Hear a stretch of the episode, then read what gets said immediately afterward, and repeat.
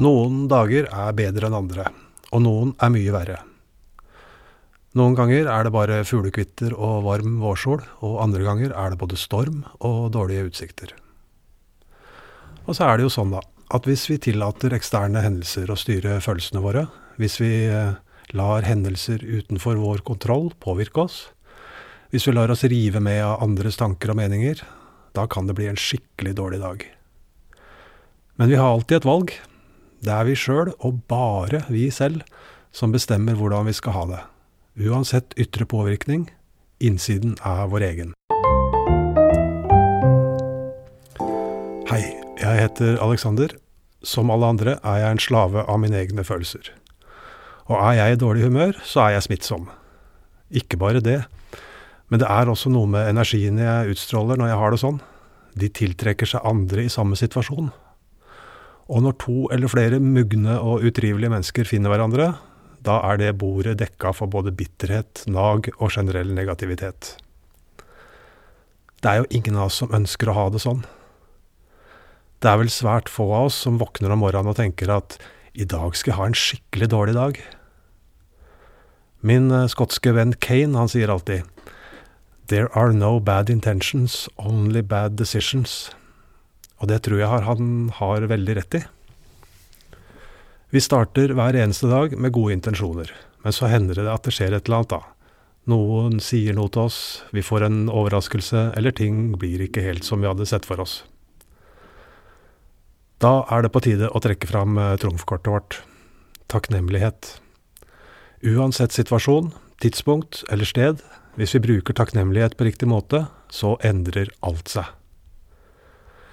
Vi hører ofte at vi må snu på tankemønsteret vårt. Snu på tenken, stå vakt ved tankens port. Og det skal vi selvsagt gjøre.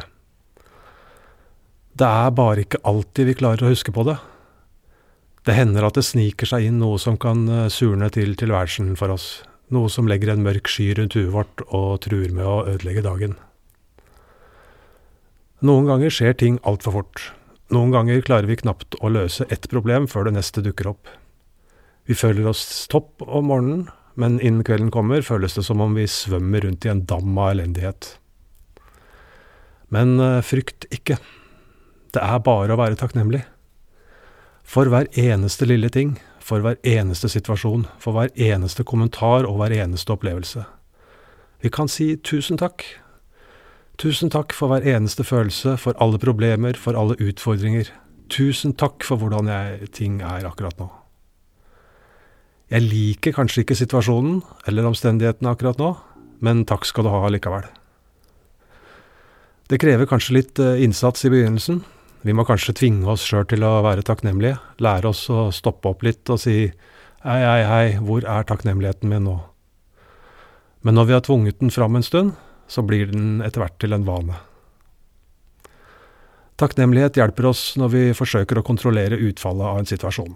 Det er en nøkkel som låser opp for positiv energi i livet vårt. Det er den kjemiske formelen som transformerer problemer til velsignelser og det uventede til fantastiske gaver. Hvis jeg bruker takknemligheten min riktig, kan jeg gjøre smerten jeg føler i dag, om til gleden jeg kan kjenne på i morgen. Hvis det er én ting som virkelig kan forandre livet vårt, så er det takknemlighet. Det er bare å si tusen takk, helt til du mener det. Takk Gud, takk livet, takk universet, for alt og alle som kommer din vei. Takknemlighet gir livet fylde, som uh, smaken i en skikkelig god saus. Det forandrer det lille vi har til mer enn nok. Det snur fornektelse til aksept, kaos til orden og forvirring til klarhet. Det kan gjøre et måltid til en fest, et hus til en hjem, en fremmed til en venn, eller nederlag til suksess. Det gjør det uventede til perfekt timing, feilskjær til viktige hendelser og separate situasjoner til viktige og gunstige lærdommer. Takknemlighet gir mening til fortida, det gir oss fred for i dag og skaper visjon for framtida.